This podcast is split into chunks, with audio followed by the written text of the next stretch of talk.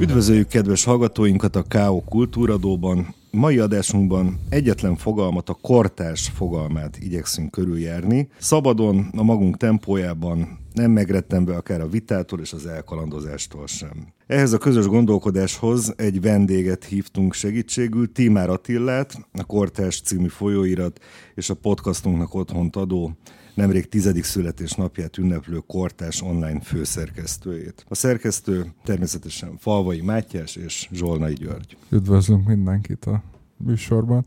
Köszöntöm én is a hallgatókat, örülök, hogy ilyen sokan hallgatnak minket most is. Szerintem vágjunk is bele abból a szempontból, hogy említettük ezt, hogy mi, mi, a, mi a kortás fogalma. Ugye itt egy internetes folyóirat és egy jóval korábban elkezdődött nyomtatott folyóirat is. Ezt a nevet viseli, de nem innen fogunk elindulni, bár lehet, hogy érdemes lesz majd kitérni, hogy miért pont ezt a nevet választotta ez a két orgánum, és hogy ez milyen extra feladatot jelent egyébként, vagy milyen hatást gyakorol akár a szerkesztési elvekre, vagy milyen nézőpontot kíván meg, de szerintem érdemes onnan elkezdeni, mert ez nem egy annyira egyszerű fogalom, hogy mit is értünk kortás alatt.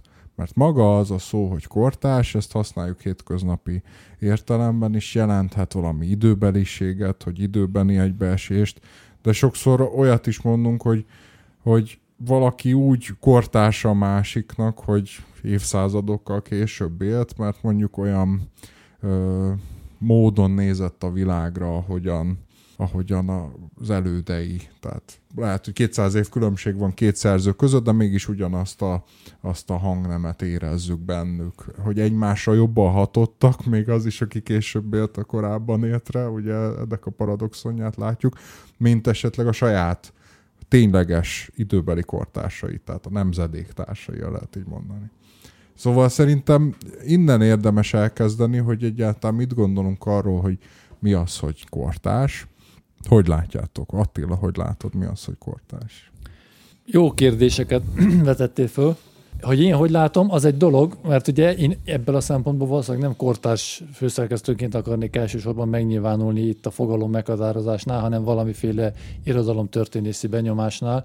És az első, amikor szóba került ez, hogy kortás fogalomról beszélgessünk, az volt, hogy ez tulajdonképpen egy történeti jellegű fogalom abból a szempontból, hogy legelőször, amikor megpróbáltak meghatározni, hogy kikinek a kortársa, akkor visszatekintő módon akarták megtenni, nagyjából a reneszánsz környékén, hogy az ókorban kik mozogtak együtt, kik írtak együtt, vagy már mondjuk a reneszánsz végén, hogy kik festettek együtt, kik alkottak együtt.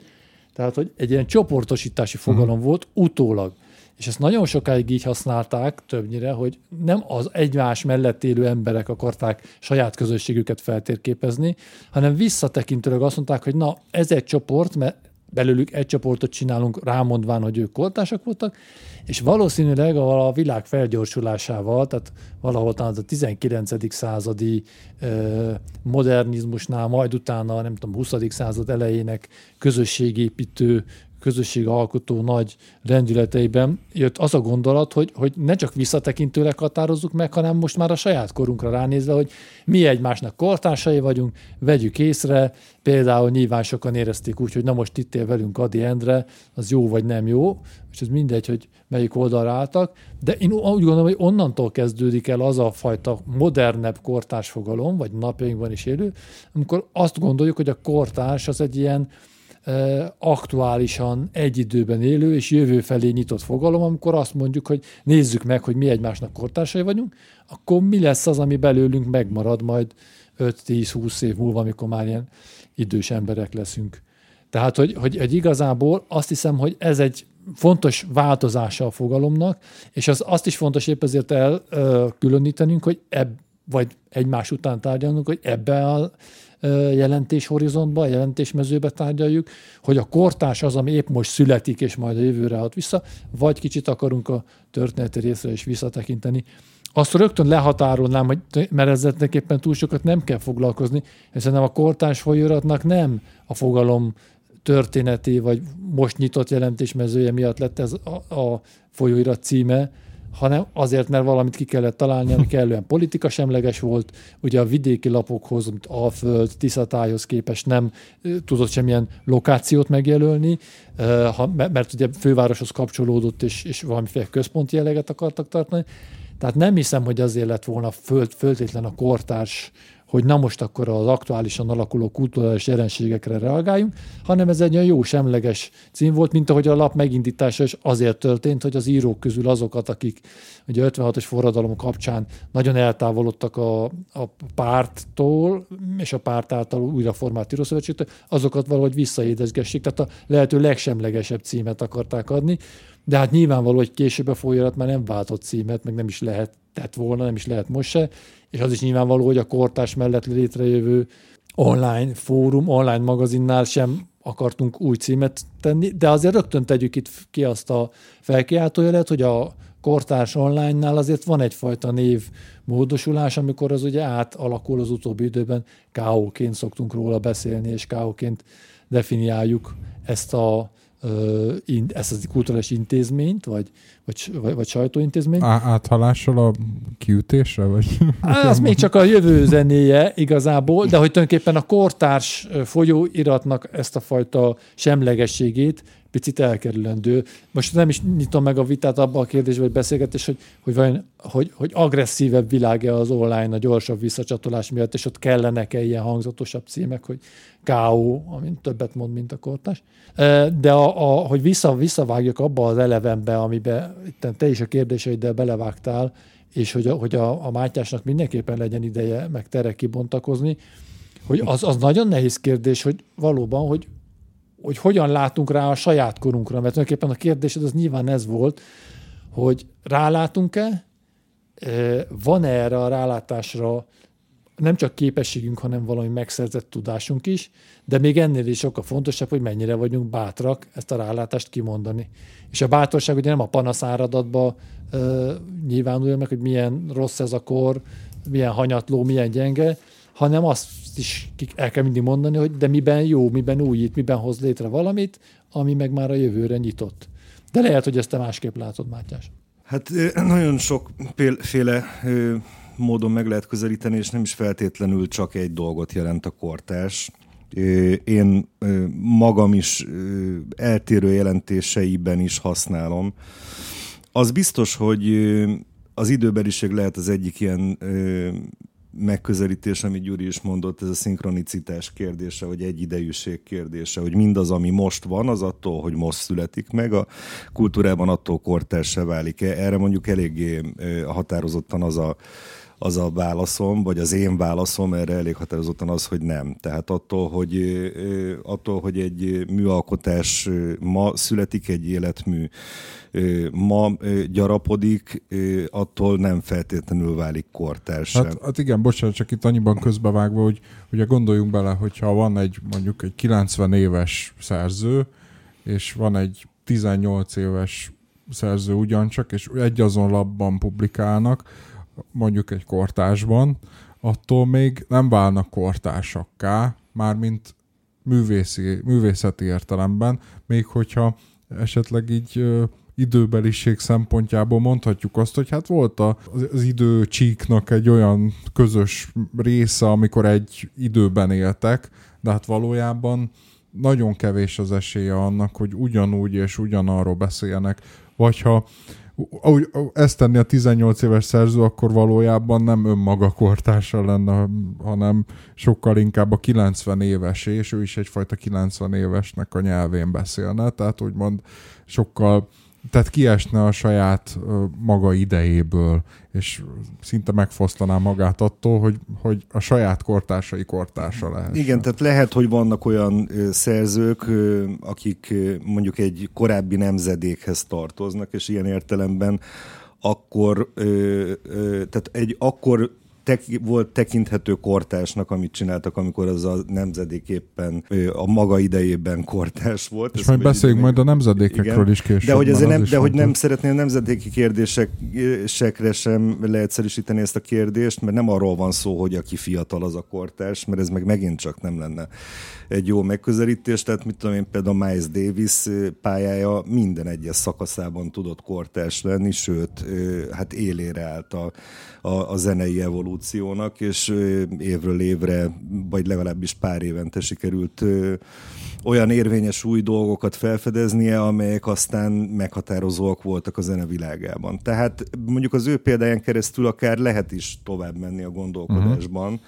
hogy mi lehet ez a kortársiasság. Valahogy nekem egy picit az is benne van, hogy, hogy, hogy mi az, ami kurrens hogy lehet, hogy ez nem a jó ö, szó rá, de valahogy talán mégis azt gondolom, hogy a kultúra minden területén van egy állandó útkeresés, fejlődési igény, új lehetőségek, kifejezési formák, témák, megközelítéseknek a keresése, egy megújulásra való folyamatos törekvés. Én azt gondolom, hogy ez a jó művészetnek egy alapismérve, még akkor is, hogyha időről időre persze visszanyúlik a hagyományokhoz is.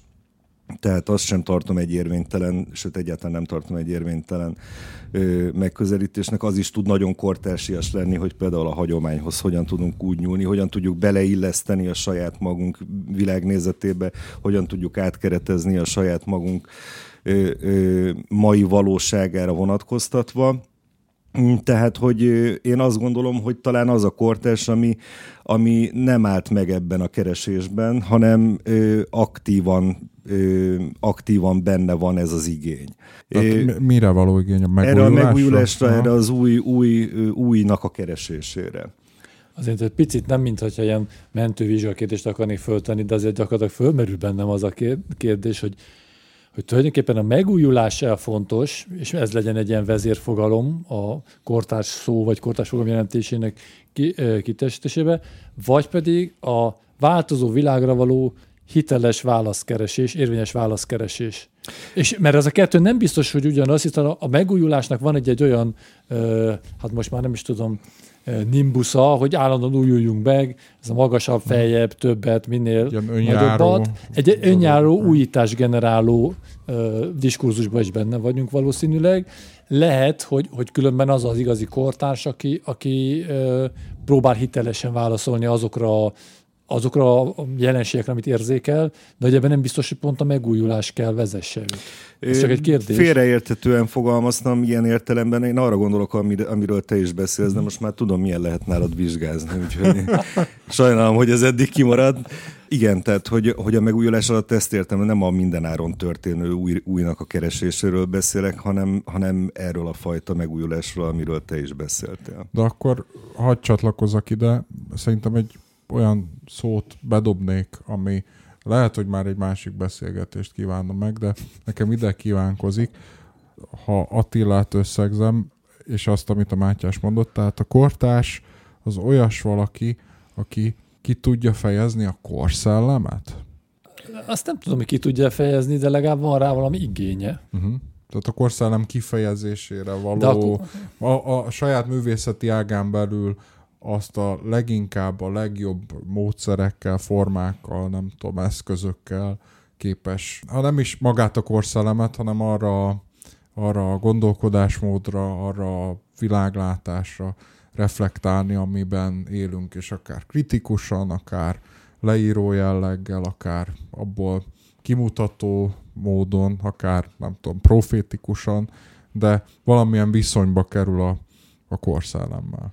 Hát azért a korszellemet én nagyon óvatosan használnám, mert nagyon terhelt fogalom, tehát uh-huh. kezdem már a pozitív mondom, is. A következő adásban óta, óta ez, tehát én, ne, én nem nagyon hiszek abban, hogy van korszellem, hanem ez egy olyan típusú kreálmány, mondjuk gondolati vagy, vagy szemléleti kreálmány, amivel csoportosítani próbálunk osztályozni és minősíteni. Mint a kortárs? A, mint a kortárs, igen. Tehát, hogy igazából ez nem biztos, hogy, hogy, hogy jó. Tehát nehéz lenne megfogni, hogy mi az a korszellem, amit most akár egy hollywoodi film, akár egy eh, mai galériás kiállítás meg, vagy egy most megjelenő képregény meg akar fogni. Tehát, hogy itt pillanatok alatt tudunk olyan különböző kulturális termékeket mondani, amik nem csak tartalmilag lehetne nehezen egy közös nevezőre hozni a korszellem alatt, hanem megformálás és a világhoz való hozzáállás. Tehát, hogyha valaki elhúzódik, létrehoz egy életművet, sehol nem publikálja, aztán szépen meg is hal, és akkor direkt arra játszott, hogy majd halála után megmaradjon, és akkor majd rálátnak. Szóval, hogy,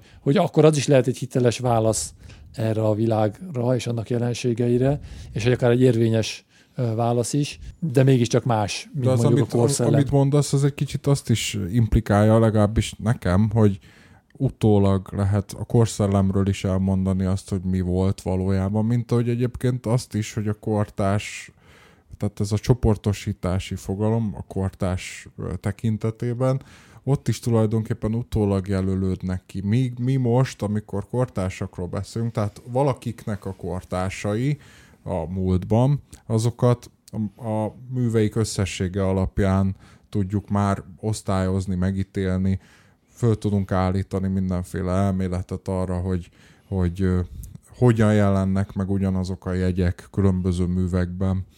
De most, amikor éppen a most a jelen kortársait nézzük, vagy a jelen korszellemét, akkor nincsen meg az a, az a, az a rálátásunk, ugye erről már beszéltünk, és az az abstrakciós készségünk sem, képességünk, hogy, hogy, hogy el tudjunk vonatkoztatni a saját előfeltevéseinktől, és míg a történelmi időkre, akár csak 50 évvel ezelőtt is nagyon leegyszerűsítően tudunk visszatekinteni, pedig nyilvánvalóan az is legalább olyan, hanem soha, jóval komplexebb volt, mint a jelen, vagy egy 17. századi közegre is, akkor is voltak olyan kulturális termékek, még ha nem is olyan nagy számban, mint ma, amelyek nem maradtak fönn, de hatást gyakoroltak a, a, az akkor élőkre.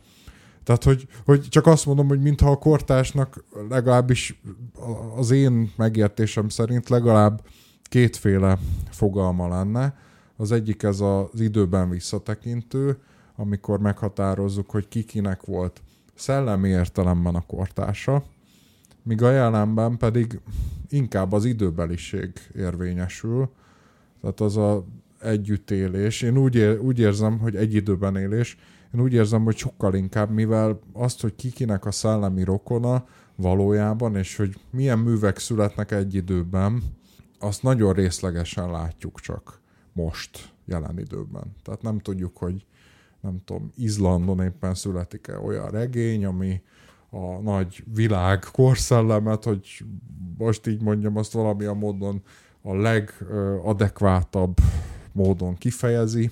Ez majd, nem tudom, 50 vagy 100 év múlva kiderül. De most erre nincsen rálátásunk, és akkor majd mondhatjuk azt, hogy igen, ő Izlandon ezt elmondta, meg Erdélyben elmondta ő valaki, meg a Dunántúlon elmondta valaki, és ugyanarról beszéltek, és 50 év múlva már azt fogjuk gondolni, hogy hát talán ismerték is egymás műveit, és hogy valahogy, valahogy kifejezték azt a korszellemet, ami most bonyolultnak tűnik számunkra, de utólag megkonstruáljuk visszamenőleg, hogy hát ez jellemezte a 2010-es, 20-as éveket, nem tudom, hogy látjátok. Lehet, hogy ez már annyira ilyen történetfilozófiai én, én kérdés azt, is. Azt látom, igen, ettől egy kicsit, nem tudom én, lehet, hogy kevésbé jól argumentáltan mondani, hogy, hogy, hogy a kortársban, a kortárs siasság fogalmában szerintem van valamiféle ítélet is, vagy nem tudom. Tehát, hogy amikor azt mondjuk, hogy egy műre, hogy na ez kortárs,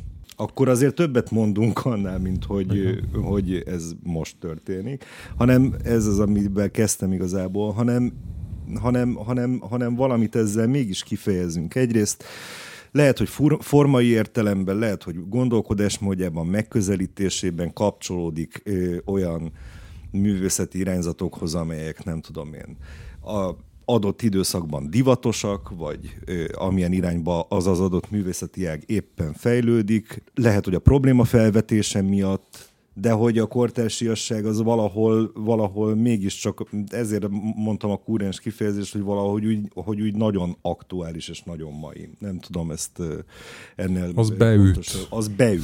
Tehát, hogy van, van egy ilyen... Persze lehet egyébként, majd erről is beszélünk később, hogy lehet a kortárs, ez pejoratív jelző is, de... Igen, de akkor elé rakjuk általában, lehet, hogy az már egy nyelvészeti műsor lenne inkább, de hogy Igen. azt mondjuk, hogy ez túl kortás. Nem, hogy ez, ez nem, túl ezt nem tudom, én egy picit összetettebbnek érzem a dolgot, és ahhoz, hogy kibontsuk, ahhoz egy ilyen szélesebb kulturális kontextust kéne húzni, amit általában szeretünk is felrakni a KO írásaiban. Tehát, hogy az, hogy a kortárs mondjuk pejoratív vagy pozitív jelző, az, az sem egy önmagában tud megállni, hanem mondjuk a befogadói oldal felől, tehát arra gondolok, hogy kortárs zene, akkor mindenki tudja, hogyha bemegy mondjuk Bachra, vagy Lisztre, vagy bemegy akár még, hát mit tudom én, Bartókra is, azért azt, azt úgy jól meg tudja hallgatni. A hagyományos befogadói szokásaihoz ez, már hozzáedződtek ezek a művek, vagy ő edződött hozzá ezekhez a művekhez. Sokat hallatta őket, meg kicsit esetleg rá. De ha egy kortárs zenéi valamire beültetjük, akkor lehet, hogy kirohan gyakorlatilag 5 perc után. Tehát például a kortárs zenébe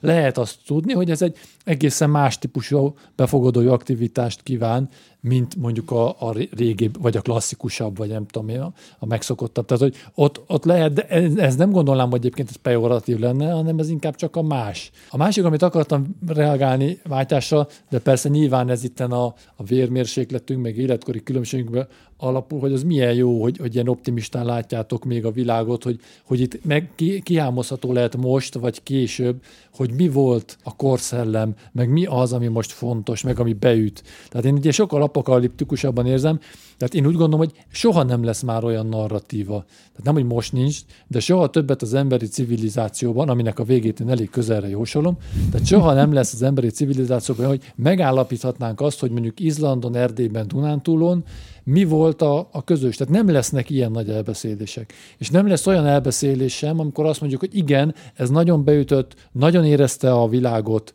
itt vagy ott, ezek kis elbeszélések lesznek, amik szerintem át fognak alakulni viszonylag gyorsan ilyen magán kulturális történetekké, vagy magán kulturális narrációk, hogy nekem ez, meg az, meg amaz beütött, amikor fiatal voltam, és akkor mondjuk mások meg nem. De hogy már nincs meg az, nincsenek meg azok az intézmények, és nincs meg az az igényse, hogy az egészre rálássunk. Ugye nem véletlen szerintem, bár nem vagyok olyan nagyon otthon a külföldi oktatási rendszerekben, de ha csak, csak a magyart nézzük, akkor nem véletlen, hogy mennyire marad ki a kortárs szemlélet az egész magyar oktatásban, és nem csak az irodalomnak az anomáliájára akarok utalni, de azért a énekóra, zene, képzőművészet, de tulajdonképpen még a standard tudományos tárgyak esetében sincs akkora erős reflektálás arra, ami most születik, és ami most a világképünket meghatározhatja, akár ö, ténylegesen kimondva, akár csak elhallgatott látásmódon. Tehát, hogy tulajdonképpen nincs szerintem reagálás általában arra, hogy mi zajlik, de valószínűleg azért, mert az utóbbi időben ez nagyon nehéz lett volna, most meg már nem is lehetséges. E, ez, ez annyiban kapcsolódnék, hogy az, hogy nincsen reagálás az oktatásban a kortárs jelenségekre, szerintem nagyjából ugyanaz, a, ugyanarról a tőről fakad, mint hogy csomóan nem szívesen mennek kortárs zenei koncertre, kortárs táncra. Az, hogy valaki előttünk nem végezte el azt a munkát, azt a nem tudom, előemésztést, előkanonizálást, valami, ami által már úgy kapok meg egy kulturális terméket, vagy tudományos eredményt, vagy bármilyen oktatandó anyagot, amire azt tudjuk mondani, hogy, hogy na ez rajta van a kóser pecsét. Tehát egy Bachot azt szívesen meghallgat az ember, mert, mert kiállta az idők próbáját. De ha most elmegyek egy kortás zenekoncertre, akkor ha nem ismerem a, a, a zenészt, nem hallottam tőle semmit, akkor egy, úgymond egy nagy kockázatot veszek a nyakamba. Magadra mert... vagy hagyva ebben az Igen, élményben. igen, és ott van az a veszély, hogy képtelen vagyok feldolgozni, befogadni megfelelően, és egyszerűen rossz élményben lesz részem. Tehát én inkább ebben ilyen kockázatkerülést látok, nem pedig annak a képtelenségét, hogy maga a társadalom képtelen lenne összeállítani valamilyen, vagy ítéletet mondani. Szerintem egyébként, ha az apokaliptikus világképhez visszatérve, van, van, van egy, egy kicsit sötétebb apokaliptikus világkép is, ami azt mondja, hogy majd lesznek olvasatok, csak majd a piac mondja meg, hogy mi az az olvasat, ami helyes, és majd 50 meg 100 év múlva majd azok a, a kulturális termékek maradnak fent, amelyek jól teljesítettek, úgymond piaci szinten, tehát nem lesz ez a nyugat szindróma például, hogy ugye a nyugat az nem volt túl nagy példányszámban eladott folyóirat, de azért mégis meghatározta az irodalmi gondolkodásunkat, irodalmi életünket, az irodalomoktatást, viszont lehetséges, hogy majd azok a művek fogják. Most lehet, hogy most kifejezetten irodalomról beszélek, de szerintem ez valahol ki, ki ö, teljesíthető a többi területre is, hogy lehet, hogy majd az eladás lesz az egyetlen olyan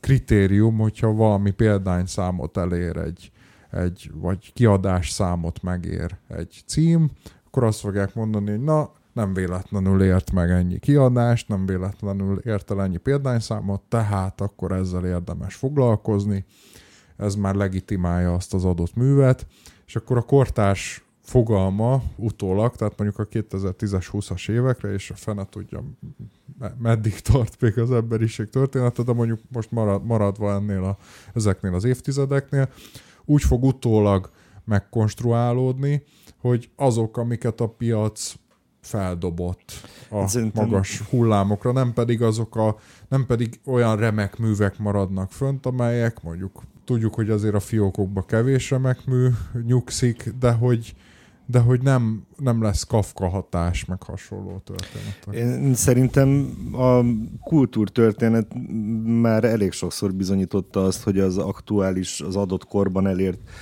gazdasági siker vagy piaci siker az nem, De ez nem záloga, nem záloga a, a, a, a hosszú távú fennmaradásnak. Mennyiben más most a helyzet, mint mondjuk száz évvel ezelőtt, amikor szintén voltak népszerű írók, akiket ma már egyáltalán nem olvasunk. Na, elmondom, miért más a helyzet, amiért például, bo- bo- bocsánat, ez fontos, mert ezt tényleg kihagytam, hogy szerintem azért más a helyzet, mert most tényleg van egy olyan szituáció, amikor az ítélet felfüggesztődik amikor nem mondunk könnyen véleményt, kritikát is akár egy műről, legfeljebb az van, hogy nem értjük. És azt mondjuk, hogy és nem merjük bevallani, hogy nem értjük, és ezért inkább Hát vagy nyilvánosan nincsen, semmiképp. nyilvánosan semmiképp. Vagy nincsen róla szó, vagy ha szó van róla, akkor megfelelő ö, új eltartás mellett van róla szó, de annak a kockázat, abba a kockázatába senki sem megy bele szívesen, hogy úgy kritizáljon valamit, hogy,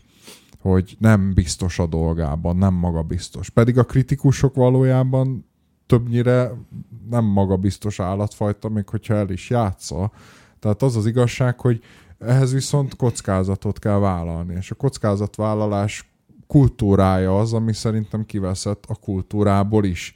És ezért aztán én csak azt mondom, hogy az lesz az egyetlen mérőszám majd szemben más korokkal, amikor lehetett esztétikai kritériumokat mondani, lehetett azt mondani, ez a mű azért képviseli jól a modernitás programját, vagy akár még a posztmodern programját is, hiszen már egy ilyen poszt-posztmodern nem vagyunk, nem tudom mi az aktuális kifejezés, de a, a postmodern programját is képviselték bizonyos művek, és most azoknak is azért akármennyire is ellentmondásos, de meg lehetett mondani azokat az ismérveket, ami alapján azt mondjuk, hogy igen, ez kifejezi a korszellemet. Szerintem a korszellemet a jövőben majd azt fogja kifejezni, és már ú, az a félelmem, hogy tényleg a korszellemről beszélünk, nem is a kortásiasságról, hogy, hogy mi az, ami, kelendőbb, és mi az, ami nem. Mert más mércénk nem lesz. Ez lesz az egyetlen mércénk a tömegkultúra korábban.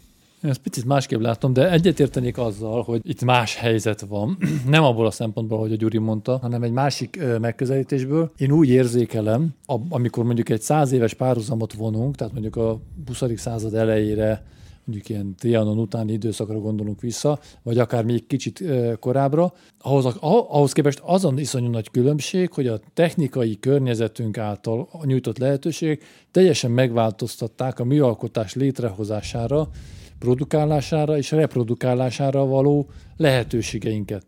Magyarán akkor is voltak dilettánsok, és mindenféle ilyen olyan emberek, akik rajzoltak, festettek, vagy, vagy írtak verset maguknak, de a technikai lehetőségek nem tették azt nagyon lehetővé, hogy ezt korlátlan mennyiségbe öntsék a világra.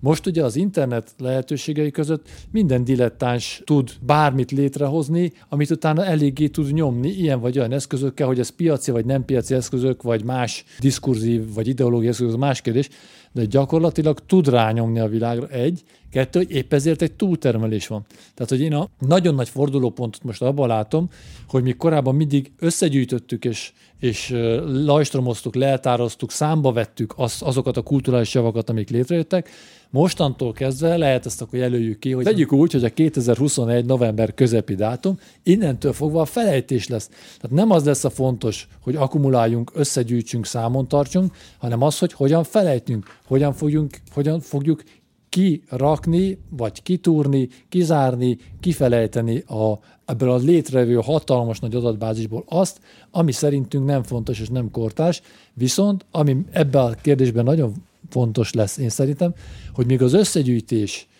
rendszerezés, minősítés néhány meghatározott intézmény kezében volt, tehát kevesek kezében, a felejtés és elzárás és kizárás az sokkal demokratikusabban és sokkal szórtabban lesz ott mindenkinek a kezében. Tehát itt, amikor én azt mondom, hogy nem lesz nagy narratíva, akkor annak lesz egy ilyen következménye, hogy tényleg eljön nem sokára, úgy gondolom az az idő, amikor egyszerűen más lesz amit mondjuk tanítanak Bécsben, vagy fontosnak tartanak Bécsben, Madridban, Budapesten, vagy akár Veszprémben és Miskolcon, mert egyszerűen mindenhol meg létre lehet hozni azokat a saját korpuszokat, saját műmennyiségeket és alkotás mennyiségeket, amivel ők úgy el vannak és el tudnak foglalkozni. Tehát el tudok képzelni egy olyan helyzetet, hogy egyszerűen kor, a kortársaság mást jelent majd Miskolcon, mint mondjuk Fiumében vagy adott esetben Márszejban. Tehát, hogy egyszerűen bezáródnak a kisebb, mondjuk befogadható közösségek, mert egyszerűen nem, nem tudunk már annyi információt befogadni, mint ami jön a világból. Most se tudunk egyébként, tehát lehet, hogy csak én vagyok elmaradva, de nem tudom úgymond a, a világ művészetén rajt, művészetének ütőerén rajta tartani az ujjamat, mert nonsens, hogy bárki azt mondhassa magáról, hogy mindenhez hozzá lehet férni, de hogy mindenre van ideje is.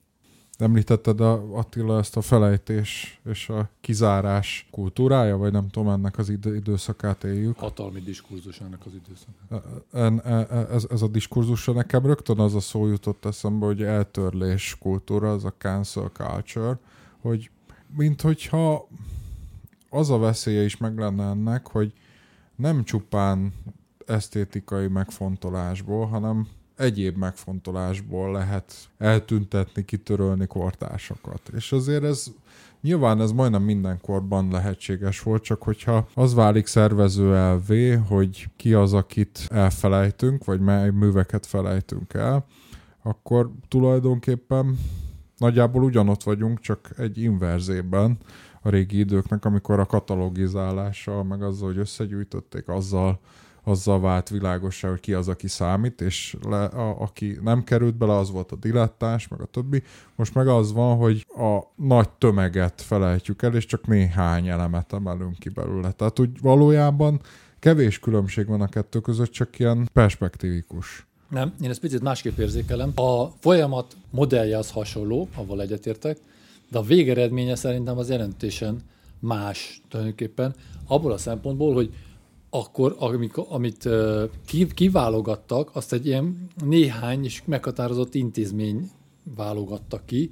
A felejtésnél pedig szerintem ez, ahogy az előbb elgondoltam, ez egy sokkal szórtabb ilyen szempontból, uh-huh. de, demokratikusabb, vagy, vagy entropikusabb modellben fog létrejönni. Tehát én azt hiszem, hogy más dolog, úgymond a létrejövő termékekből kiválogatni és összegyűjteni, mert nem olyan túl sok van, de abból a legjobbat összegyűjtjük, és egy más végeredményt fog hozni, a oltári túltermelésből kiválogatni azt, amit valaki valamilyen szempont alapján fontosnak tart, és azt elkezdi majd megőrizni. Hát ezek részleges szempontok. Mert ezek részleges Igen. szempontok, de má, én azt hiszem, hogy más. Tehát, hogy belegondol mindenki, hogy, hogy, hogy más dolog azért összegyűjteni egy matchbox gyűjteményt, és más dolog az, amikor jön a karácsonyi nagy takarítás, és akkor ki kell dobni otthonról a különböző szemeteket. Hogy ah, most akkor na válogassuk át a szekrényeinket, válogassuk át a könyvespolcunkat. Tehát, hogy ha ezt azért nagyjából mindenki átélheti, hogy, hogy tényleg összegyűjteni mondjuk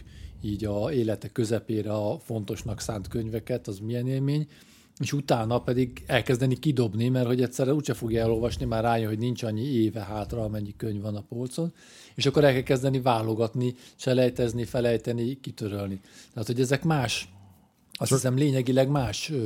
Ma, maradva a metaforádnál, akkor az is különbség, hogy amíg a Matchbox gyűjteményt össze lehet gyűjteni egy élet alatt, amíg a, addig, hogyha karácsonykor kitakarítjuk a lakást, nem tudjuk úgy kitakarítani, hogy a végeredmény egy Matchbox gyűjtemény legyen, hanem valami majd marad a lakásban, amit fontosnak és értékesnek tartunk, és nem akarunk kidobni, de nem olyan gyűjtő szenvedély, meg minőségi nézőpontok szerint alakul ki az a, a, a, a lakás leltárja, mint egy... Ezt most nem értem egészen, de majd maradjunk a könyveknél, a matchboxoknál. Tehát, hogy a, könyvek összegyűjtése és a végeredményben az a könyvtár, ami megmarad neked, az miben más attól, mint hogyha a nagy könyvtáradból elkezdett selejtezni, és a végén maradnak azok a könyvek, amiket a legjobbnak, vagy legfontosabbnak, leghasznosabbnak, leginkább elolvasandónak ítélsz. Tehát a végén ott marad 200 könyv, ilyen vagy olyan. De úgy érzem, hogy ez a 200 könyv ilyen szempontból hasonlóképpen van fönn, de azért az, az, az már egy nagyon nagy különbség, hogy a, a válogatás az a saját eredményed, egyfajta belső készítésnek a működése, hogy ezt az írót nem szeretem, azt olvastam, hát nem voltam megelégedés. A gyűjtés meg valószínűleg sokszor egy külső kényszer, hogy azt mondják, hogy ezt még el kell olvasni, azt mondják, hogy ezt fontosnak tartom, hogy elolvassam, azt illik, az kortás volt, vagy most kortárs, akkor azt olvassam el, megveszem be, lerakom a polcra, és aztán 20 év kiderül, hogy addig se olvastam el, és akkor nyugodtan ki lehet dobni. De amikor a nagy könyvek közül válogatsz, akkor nem ugyanilyen szempontok mozognak benned, hogy hát az ő nevét hallottam, fontosak a művei, vele olvastam interjút, milyen jó lenne majd elolvasni, egyszer is megtartod inkább ezeket a könyveket, ugyanúgy, mint ahogy a gyűjtésnél, hogy valamilyen külső hatások mozgolódnak. Persze neked kedves könyveket is megtartod. Tehát, hogy én csak azt mondom, hogy a, hogy a metafora ilyen szempontból ugyanoda vezet, mert hogy külső és belső szempontok is működnek, amikor megtartod a könyves polcodon a könyveket. Na ez most tök jó, hogy ilyen társaságban beszélünk erről, mert mindannyian szerintem nagyon szeretjük a könyveket, és ez egy ilyen hétköznapi probléma, hogy hát mindig azért jóval kevesebb a polc, mint a hány könyv elfér rajta és ezért folyamatosan kanonizálni kell, de hát saját magunk könyves polcainak vagyunk a szerkesztői, ugye? És akkor itt egy, e, ezzel át is kötnék a, a következő kérdésre azért, hogy azért a szerkesztőknek nagy felelőssége van abban, és itt most folyóirat szerkesztő, szerkesztőkről, kötet szerkesztőkről, úgy általában véve kurátorokról, tehát minden olyan szereplőről ebben a szcénában, aki, aki, aki megjelenik, aki valamilyen módon ezt a szelekciós munkát elvégzi. Akkor számukra az ő fej, tehát tulajdonképpen az ő őket kell megvizsgálni, nem, hogy mi zajlik a fejükben, és milyen módon tekintenek a kortás fogalmára. Hogyha ők, ők dobálják ki a könyveket, vagy ők felejtik el a, a műveket, vagy ők azok, akik a Matchbox gyűjteményt összerakják. Tulajdonképpen innentől kezdve ez már félig meddig pszichológiai kérdés is, hogy, hogy a Igen, szerkesztők miként működnek. Eszembe jutott egy érdekes párhuzam, hogy ezt majd Mátyás ki tudja fejteni, hogy, hogy gyakorlatilag mi a különbség a szerkesztő és mondjuk az rg.hu között. Tehát ugye minden kettők leválasztja neked azt, am, amire úgy gondolja, hogy azt neked átszán nyújtja át, hogy ez a fontos. Az egyiknél egy viszonylag meghatározott matematikai algoritmus, a másiknál egy nem annyira pontosan meghatározott, de valószínűleg hasonlóképpen működő valamilyen algoritmus. Én az esztétika kifejezés utóbbi időben nehezen használom, mert nem tudom pontosan micsoda. Tehát, hogy akkor arról van szó, hogy nagy halmazból átnyújt neked valamit. És ugye megszoktuk, hogy a szerkesztő az, az, az úgy válogat meg, az egy ilyen magasztos dolog. A másik meg egy matematikai algoritmus, most itt nyugodtan kicserélhetjük ezt, hogy, hogy majd, hogy ha, ha ezt nem akarjuk így most közölni, mert hogy inkább kivesszük az egészet, tehát hogy újra kezdem a bekezdést.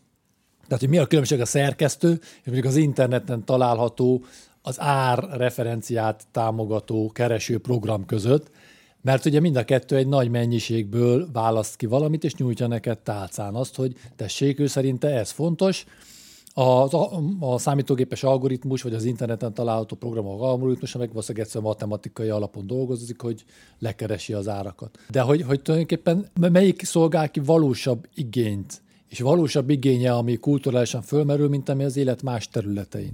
Mátyás, ezt te hogy látod? Hát, hogyha például egy kurátort veszünk alapul, én biztos vagyok benne, hogy nagyon nagy ö, ö, szerepe van annak, hogy ö, sokkal kevésbé matematikailag leírható módon, vagy sokkal esetlegesebb módon, vagy sokkal szubjektív módon, de egy kurátor melyik művészt, életművet látja fontosnak, érdekesnek, felmutatásra méltónak, mire irányítja rá a figyelmet, kit, melyik művészt építi fel, mert ezek nem kézenfekvő, maguktól értetődő dolgok.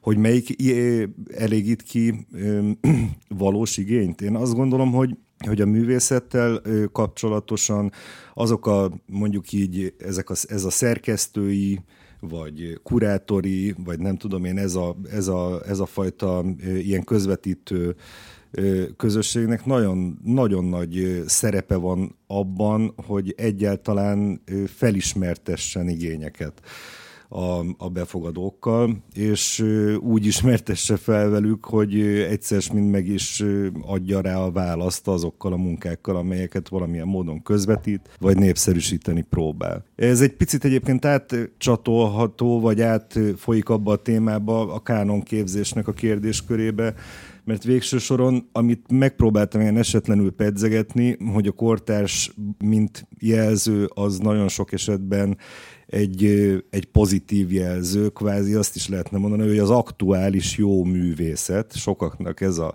kortás, és, mint, mi, és ugye, hogy mi a jó művészet, arról meg persze mindenki mást gondol. És most ez a divat. Ugye? Az a szó, amit még ne, egyébként nem nagyon Div, Igen, mondtunk, a divatot, de hogy ne, szeretném kerülni óvat, a divatot. Óvatos, mert... óvatosak vagyunk, de hogy sokszor valami azért válik úgymond kortársá, mert hogy divatossá válik hirtelen. Igen, csak a divattal szemben már eleve egy olyan, nem tudom én, előítélettel viseltetek, hogy ami divatos, azt már, már én szeretném is kizárni kb. a gondolkodásomból, mert ami divatos, az gyanús, hát ez ilyen igazi sznobéria. A kortárs való... az gyanús, nem mondja egy A kortárs az nem feltétlenül, de hogy, hogy érted, lehet, hogy valaki ezt gondolja kortárs képzőművészetnek, mondjuk a magyar szinteret nézve.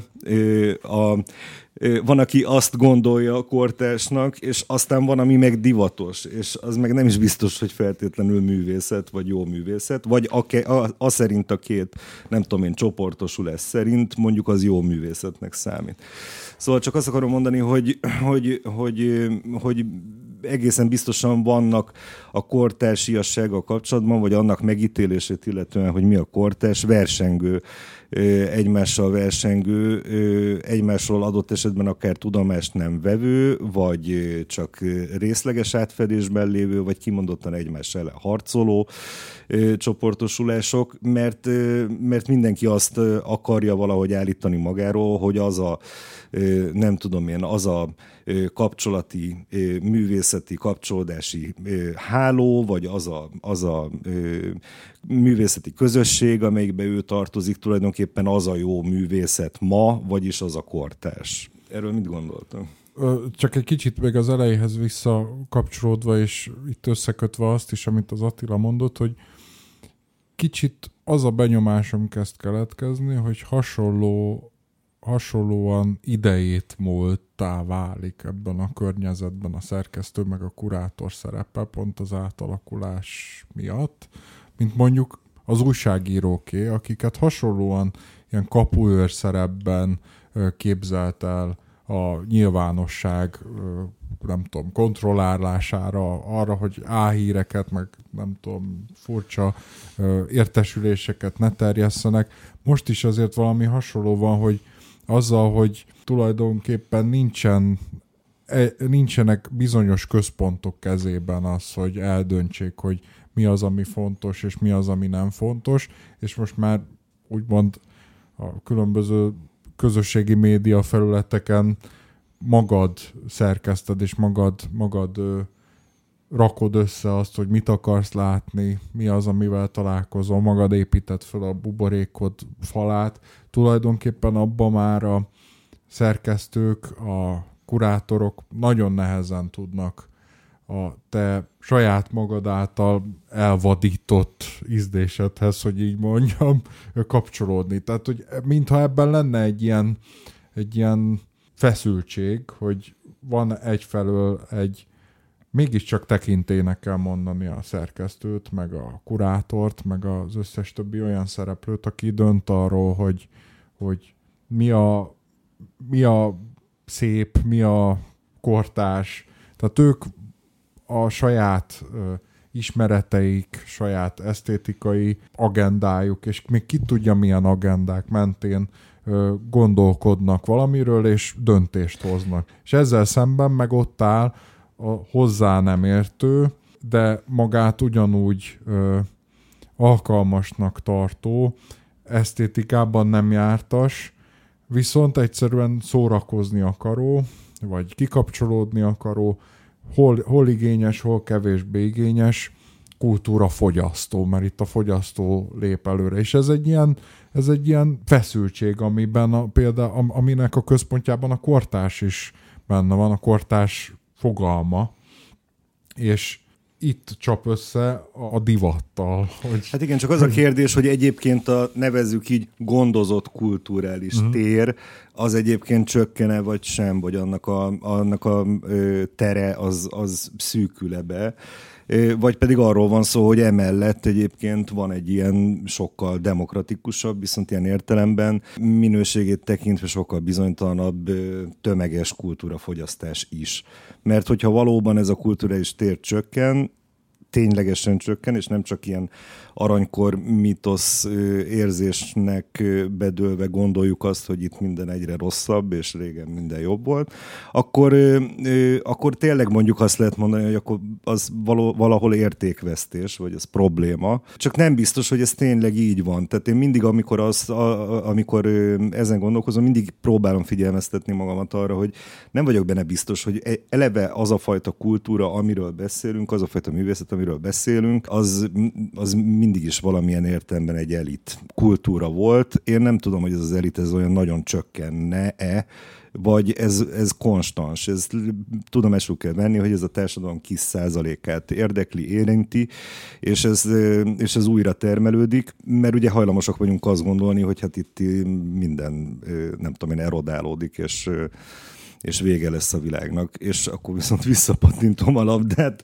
Attilának, aki amúgy is ezt egy közeli eseménynek jósolja. Azt mondja, hogy köz, közelről látom már a naptárban, hogy mikorra van beírva nálam a világ vége. Ha ez így lenne, akkor azért árult már el, légy szíves, mert akkor... akkor ezt a határszünetet fenntartjuk ezt a, a rövid időt, akkor igen, ezt akkor a show úgy... majd elhelyezzük a Spotify-on és az iTunes-on a hallgatóinknak.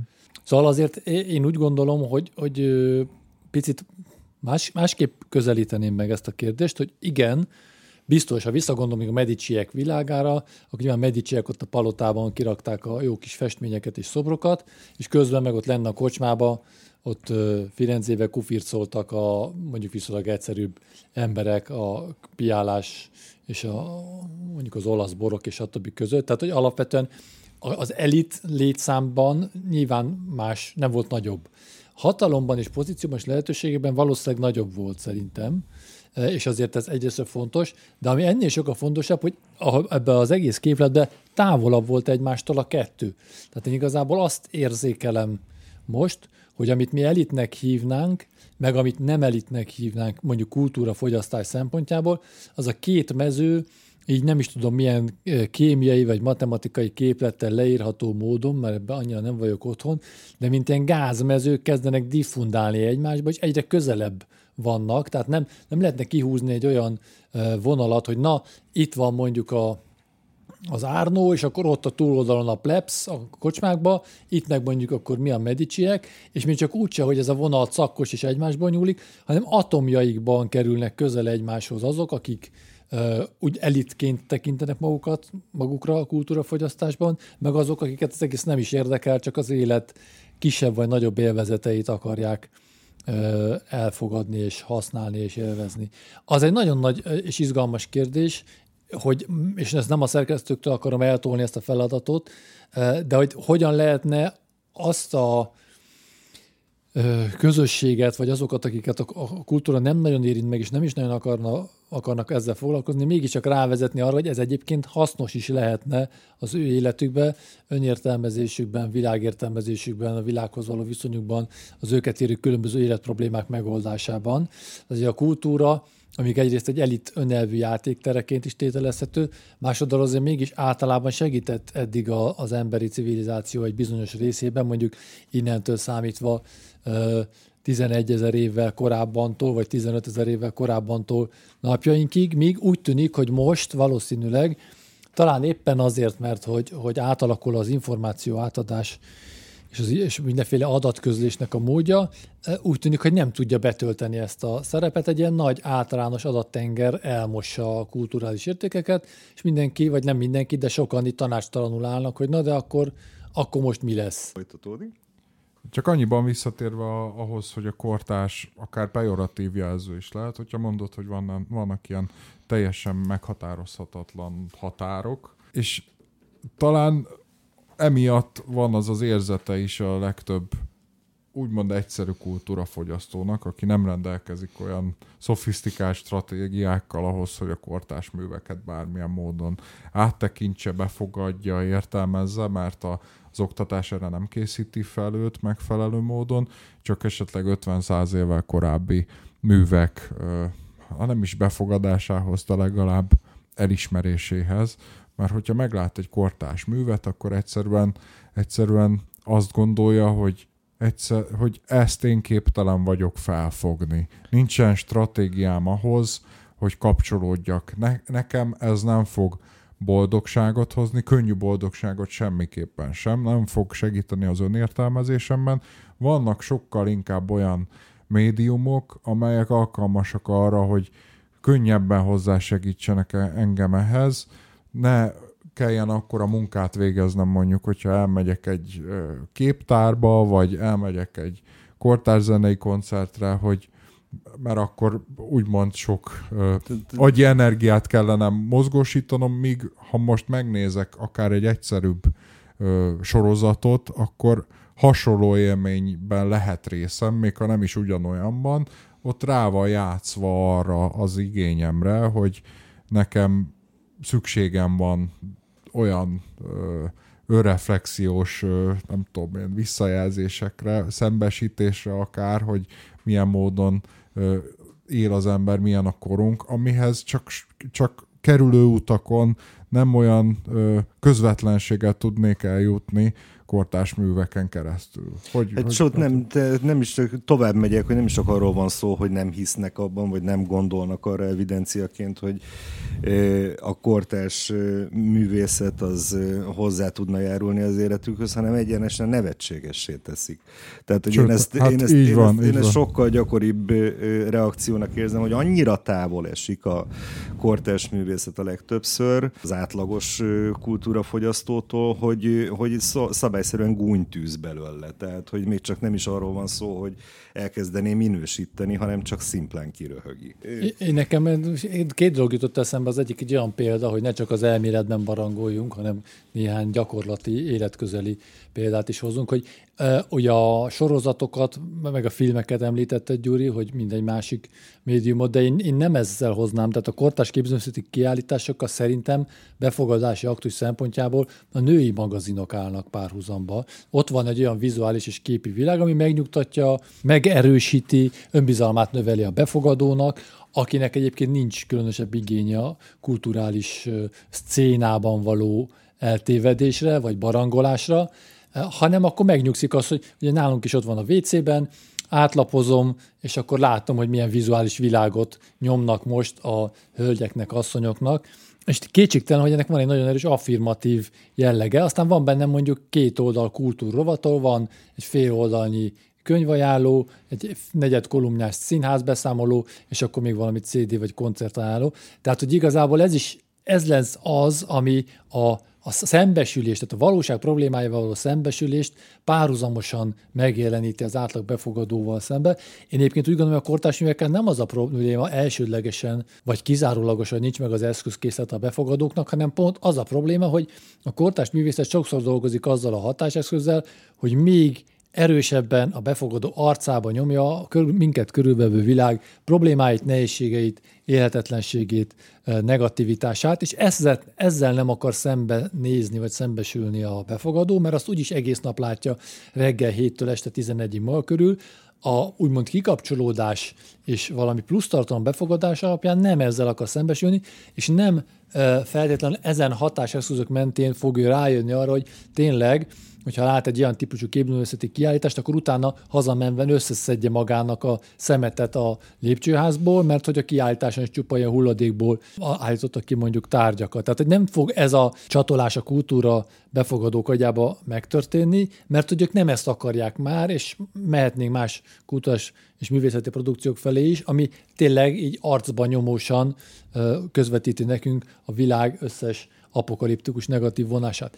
De tovább megyek ennél egy lépéssel, de erre is reagáljatok majd persze, mert akkor jó, hogyha közösen tudunk ebből erről beszélgetni, vagy ezen gondolkodni, hogy én nem nosztalgia-e azt gondolni, hogy a kultúra befogadók egy 100-150 évvel ezelőtti mintázatot könnyebben befogadnak, és hogy azt olvassák. Senki nem olvassa azt. Tehát, hogy igazából ez egy olyan, szerintem olyan nosztalgia panel, ami már rég nem érvényes. Tehát, hogy hát, nincs vagy ilyen... inkább elismerik, tehát az, nem hogy nem kérdőjelezik meg, hogy nem Moritz az, az, az, az nem. Ez az, amivel egyáltalán találkoznak, de azért, nem is mert még, még vele. de az iskolában. De Pont. már nem találkoznak az iskolában. Tehát, hogy, hogy igazából Moritz nem találkoznak az iskolában. Valamit hall róla, de a ma érettségiző diákoknak a túlnyomó többsége, és ezt mondhatnám mondjuk egy olyan tíz éves intervallum kitolásával, tehát most 28-32 év, aki igazából lényegileg már nem találkozott Móriczal, nem találkozott uh, igazából azt mondom, hogy Kosztolányival se, nem találkozott Aranya, Petőfivel és Jogával se, valamit pöszmerésztek például mondjuk így irodalomból az órán, de lényegileg nem érintette meg. Tehát ha azt veszük, hogy évente nagyjából 100 ezer ember érettségizik Magyarországon, ebből, hogyha azt mondom, hogy négyezer ember az, akinek van tényleg valami aktív viszonyulása ez a 100-150 évvel ezelőtt irodalmi művekhez, akkor már nagyon jók vagyunk. És az azt jelenti, hogy akkor nagyjából 95 ezernek nincs. Tehát valamit elolvasott, és gyakorlatilag az érettségi után nagyjából el is felejtett, de olyan interakcióba biztos, hogy nem került vele, hogy azt gondolná, hogy ha majd egyszer én beteg leszek, vagy ha egy komoly életproblémám van, akkor esetleg érdemes kezembe venni egy kosztolányi verset, vagy ha kínlódok nagyon magamban, akkor egy József Attila vers talán valami élményt adhat, hogy az egész nekem könnyebb legyen. Például, vagy, vagy hogy hogyan viszonyuljak a saját keserveimhez. Vagy mondjuk, ha nagyon borvirágos kedvembe vagyok, akkor el, Petőfihez érdemes fordulni, vagy ha ironizálni akarok. Tehát nincs ilyen típusú kapcsolat. Legjobb esetben, hogyha mondjuk egy fél memoritát, a himnusz mondjuk első három sorát megtanulják a diákok. Ami ennél több, azt szerintem egy olyan hamis nosztalgia, amiben nagyon szívesen ringatjuk magunkat, persze én is, de ez egy nosztalgia. De szerintem olyat alapja. senki nem állított, hogy a gólya kalifával kell megfekszik az ember, inkább arról van szó, hogy egyáltalán mondjuk egy Babics, egy Móricz, az képvisel valamilyen nívót, meg azok számára is, akik Móricz nem olvassák őket. Kosztolányi meg egy Nem tér. tudom, Babics én most azt hiszem, hogy te, te nagyon-nagyon sötéten látod a dolgokat. Szerintem valószínűleg amikor én érettségiztem, akkor én is ebben a 4000 emberben voltam, viszont én meg abban a 95 ezerben voltam, aki meg a trigonometriát, meg az összes többit felejtett el, és hogyha ki akarom számolni a nem tudom én, hogy hogy kell egy polcot felrakni, meg a, a tapétázni, akkor nem veszem elő a, a középiskolás matematikai tudásomat, mert az már nincsen tehát az érettségi után eltűnt. Szerintem ebben nincsen semmi különös. Viszont abban én látok különösséget, amit a Mátyás említett, hogy akár viccesnek is, tehát hogy kifigurázzák akár a kortás művészeket, mert azok, amit művészetnek gondolnak, vagy kulturális terméknek, arról olyan benyomásuk van, még ha nem is ö, fordulnak hozzá, még ha nem is fogyasztják, hogy az egy valamilyen forma, az egy valamilyen annak vannak szabályai. Egy regény úgy néz ki, hogy elkezdődik valahol, fejezetekre van osztva, végigírják a lapot, nem tudom Egy festmény én. úgy néz ki, hogy ábrázol valamit, amit a fölismerek, és igen, hogyha látom, igen. hogy fölismerem, hogy mit ábrázol jó, ha nem, akkor nem. Az, Tehát, hogy az, a színházban igen, emberek a, beszélnek, bejönnek a színpadra, aztán kimennek, még ha nem értem, akkor is vannak olyan alapszabályok, amik szerint működik, de mondjuk egy performance-t, egy, egy, egy vernisszázson már nem tudnak uh, hova tenni, már nyilván nem is jutnak el oda, csak azt mondom, ha véletlenül oda keverednek, akkor az, az, az, az, az egy valódi kultúrsok, és nem azért, mert, uh, tehát inkább azért, mert egyszerűen még a forma sem, uh,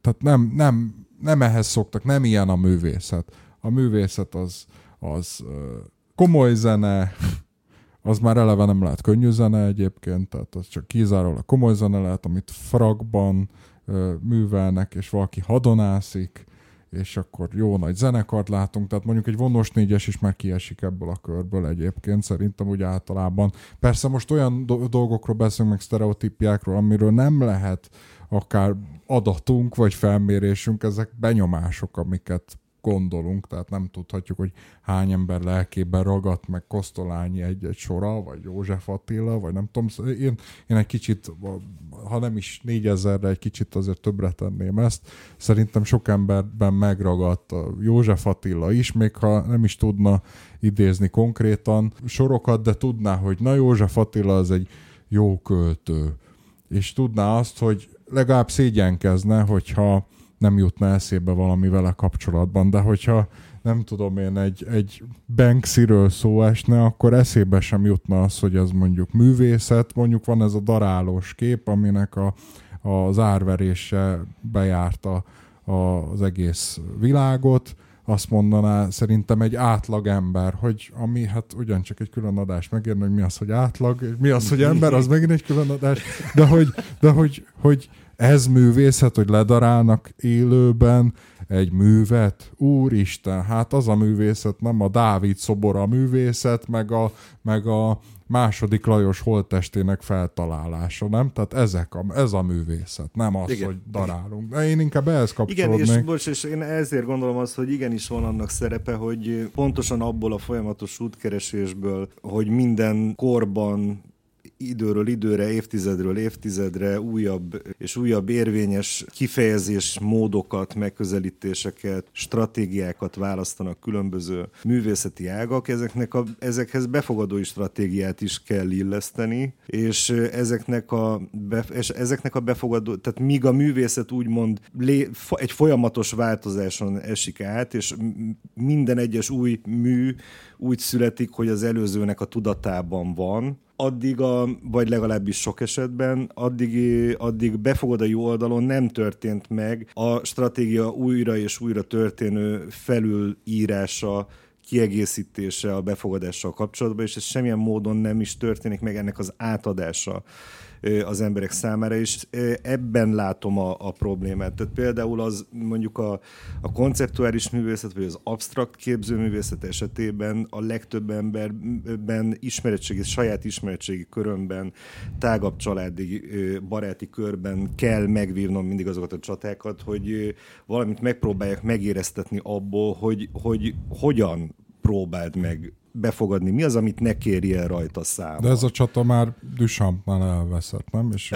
Kandinsky-nál nem tudom én, az is egy súlyos veszteség volt. Jó, de itt alapvetően az, az a kérdés igazából, és ez vagy az oktatásra vezethető vissza, vagy egy társadalmi mentális állapotra, hogy miért gondoljuk azt, hogy a művészetnek ugye olyan típusú ö, hatékonyságának kell lenni, amiben a megértés is mindenképpen ott van, tehát hogy, hogy miért kell ábrázolni volna. Miért gondoljuk egyáltalán, hogy a művészetnek ilyen módon kell pontosan részt venni ez, az életünkben? Pontosan ez, a, ez, a, ez az egyik fontos dolog, amit bizonyos esetekben el kell engedni, mint elvárást.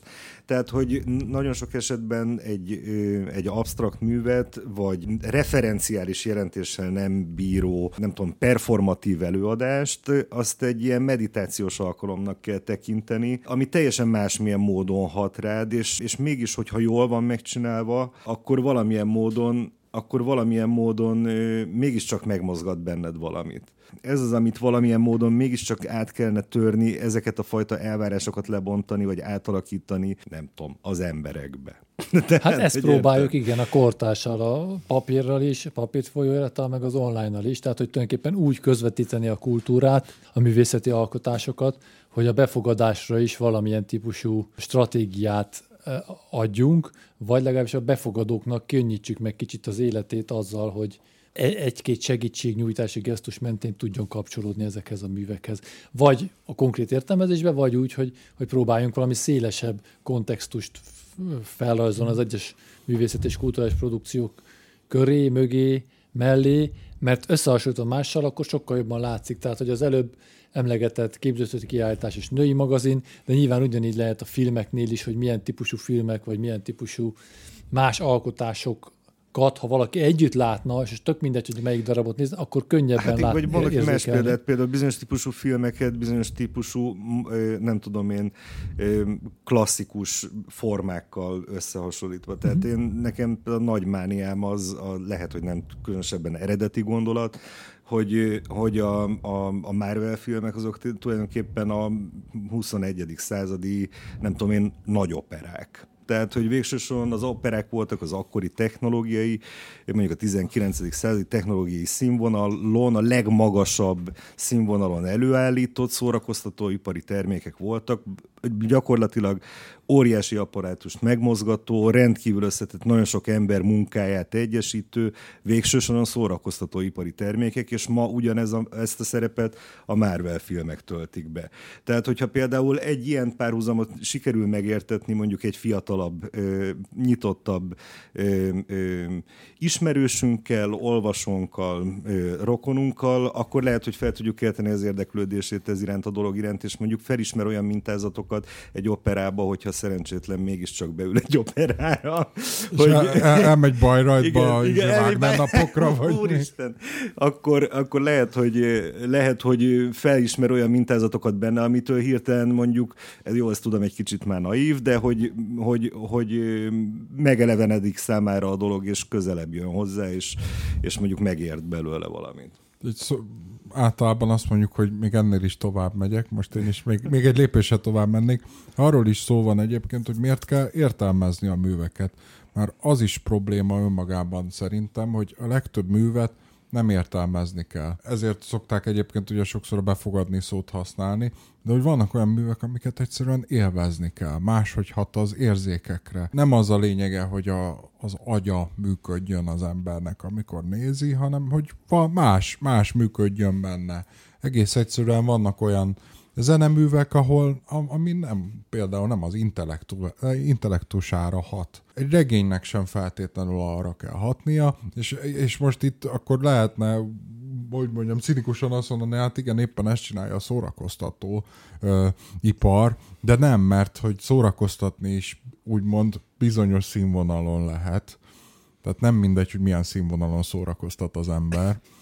Azért ö, a színvonal kérdése az, ami, és ez megint egy külön adás, mert annyi adástémát találtunk. Jegyzetelek közben. Hogy, igen, igen, úgyhogy ha esetleg ezek majd visszaköszönnek a későbbi epizódokban, akkor az ennek a mostani beszélgetésnek a termése. De szerintem annyit tudnánk, er, tudnánk erről beszélni, végtelen történet nagyjából, mint ahogy a kortársiasság is, hiszen mindig lesznek új kortársak, és mindig le, valaki valakinek a kortársa lesz.